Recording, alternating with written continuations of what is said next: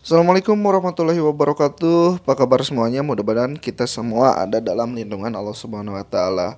Sebelum memulai pembelajaran hari ini, alangkah baiknya kita berdoa. Berdoa dipersilahkan.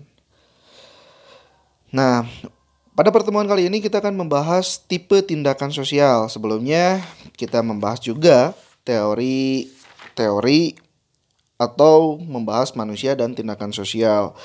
Manusia seperti apa pemahamannya dan ada beberapa teori yang bisa dijelaskan mengenai perkembangan manusia sebagai makhluk individu dan sosial dapat dijelaskan dari beberapa teori yang minggu kemarin saya share audionya. Nah, untuk sekarang kita akan membahas tentang tipe tindakan sosial pada bab 2 mengenai hubungan sosial dalam kajian sosiologi. Ada beberapa tipe. Menurut Max Weber membedakan tindakan sosial manusia ke dalam empat tipe. Yang pertama, tindakan rasionalitas instrumental. Tindakan sosial yang dilakukan seseorang berdasarkan atas pertimbangan dan pilihan sadar yang berhubungan dengan tujuan tindakan itu dan ketersediaan alat yang dipergunakan untuk mencapainya. Contohnya, seorang siswa yang sering terlambat dikarenakan tidak memiliki alat transportasi, akhirnya ia membeli sepeda motor agar ia datang ke sekolah lebih awal dan tidak terlambat. Tindakan ini telah dipertimbangkan dengan matang agar ia mencapai tujuan tertentu. Dengan perkataan lain, menilai dan menentukan tujuan itu dan bisa saja tindakan itu dijadikan sebagai cara untuk mencapai tujuan lain. Nah, itu merupakan tindakan rasional instrumental. Tipe tindakan kedua, tindakan rasional nilai. Tindakan rasional nilai memiliki sifat bahwa alat-alat yang ada hanya merupakan pertimbangan dan perhitungan yang sadar, sementara tujuan merupakan sementara tujuannya sudah ada di dalam hubungan dengan nilai-nilai individu yang bersifat absolut. Contohnya, perilaku beribadah atau seseorang mendahulukan orang yang lebih tua ketika antri sembako Artinya, tindakan sosial ini telah dipertimbangkan terlebih dahulu karena mendahulukan nilai-nilai sosial maupun nilai agama yang ia miliki. Nah, itu bedanya ya. Tiga, tindakan afektif, tindakan yang dipengaruhi emosi. Tipe tindakan sosial ini lebih didominasi perasaan atau emosi tanpa fleksi intelektual atau perencanaan sadar. Tindakan efektif biasanya spontan, tidak rasional, dan memerlukan dan merupakan ekspresi emosional dari individu. Contohnya, kita sedih ketika teman bercerita tentang kisah sedihnya, kita menangis gitu ya. Pokoknya secara emosional. Terus orang tua bahagia melihat anaknya menjadi seseorang atau menjadi mendengar kabar anaknya menjadi juara dalam perlombaan atau dalam segala bidang. Tipe keempat, tindakan tradisional atau tindakan karena kebiasaan. Tindakan jenis ini seseorang memperlihatkan perilaku tertentu karena kebiasaan yang diperoleh dari nenek moyang tanpa refleksi yang sadar atau perencanaan. Contohnya, tindakan pulang kampung di saat lebaran atau Idul Fitri. Nah, itu adalah tipe-tipe tindakan sosial menurut Max Weber. Membedakan ada empat tindakan yang tadi ya. Terus selanjutnya kita akan membahas kelompok sosial. Kelompok sosial juga bisa dikatakan atau dimaknai adalah sejumlah individu dengan kriteria keanggotaan formal maupun informal dan memiliki kesadaran bersama serta dipersatukan oleh pola interaksi yang relatif stabil. Pembentukan suatu kelompok umumnya diawali dengan adanya perasaan atau pandangan yang sama di antara sejumlah individu dalam memenuhi kebutuhan. Selanjutnya timbul motivasi untuk memenuhi sehingga dapat ditetapkan tujuan yang sama. Pada akhirnya, interaksi yang terjadi akan membentuk sebuah kelompok. Secara lebih rinci, perkembangan kelompok dapat diuraikan atas tiga tahap. Yang pertama, tahap prafiliasi Tahap prafiliasi merupakan tahap permulaan, diawali dengan adanya perjumpaan sejumlah individu hingga saling mengenal satu sama lain. Selanjutnya, hubungan tersebut berkembang menjadi kelompok yang akrab dengan ditandai adanya pengenalan sifat dan nilai masing-masing anggota.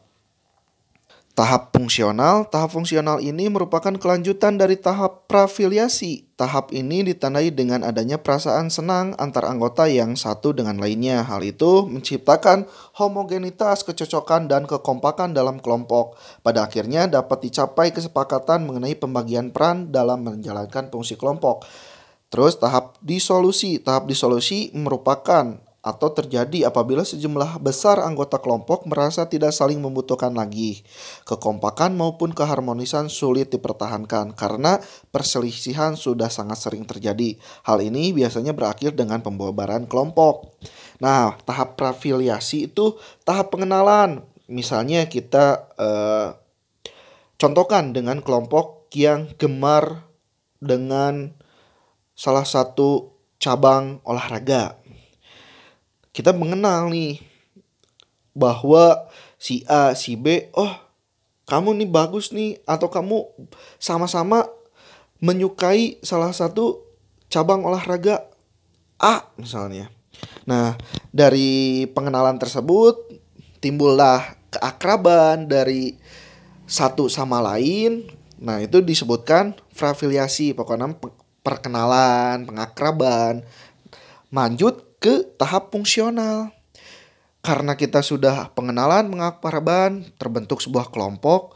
Oh, kamu mah cocok nih jadi seorang ketua. Nah, dipilih ketuanya sesuai dengan kemampuan. Misalnya ada bendaharanya, ada sekretaris, pokoknya sesuai dengan fungsi-fungsinya, peran-perannya. Nah, itu di tahap fungsional. Maju lagi ke tahap ketiga, tahap disolusi.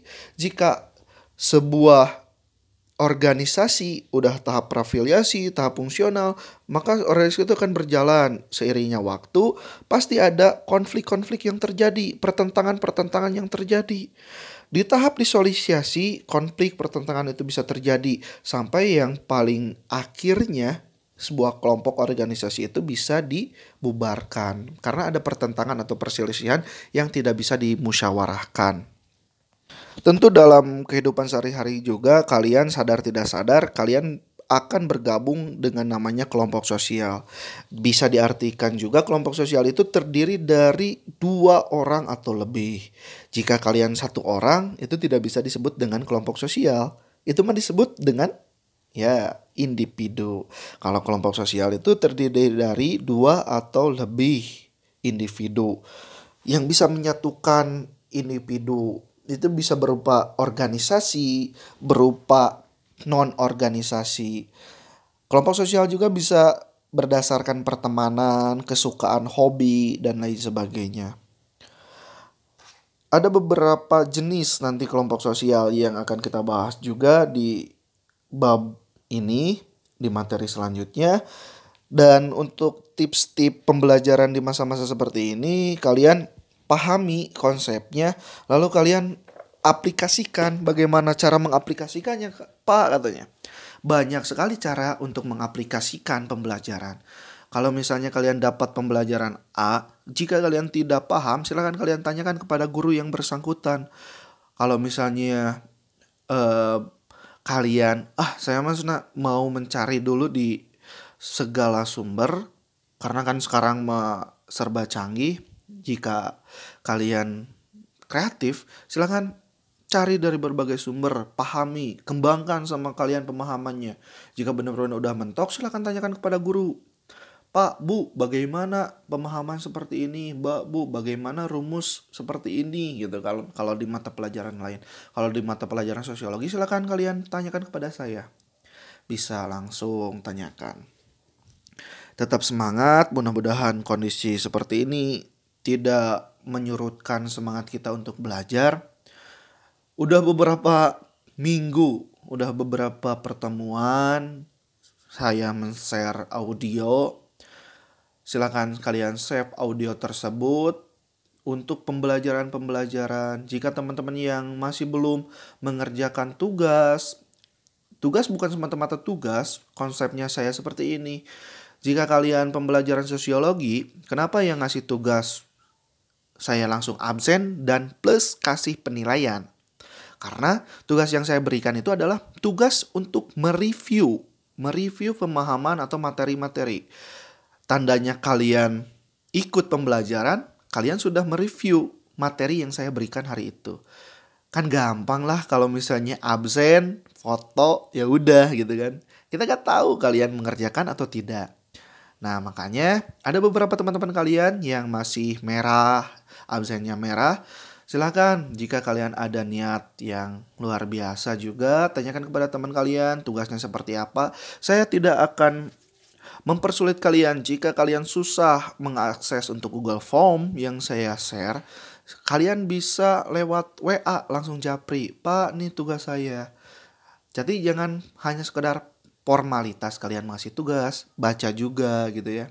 Karena kalau kita melihat ke belakang, biaya pendidikan ini sangat luar biasa mahal untuk sekarang-sekarang.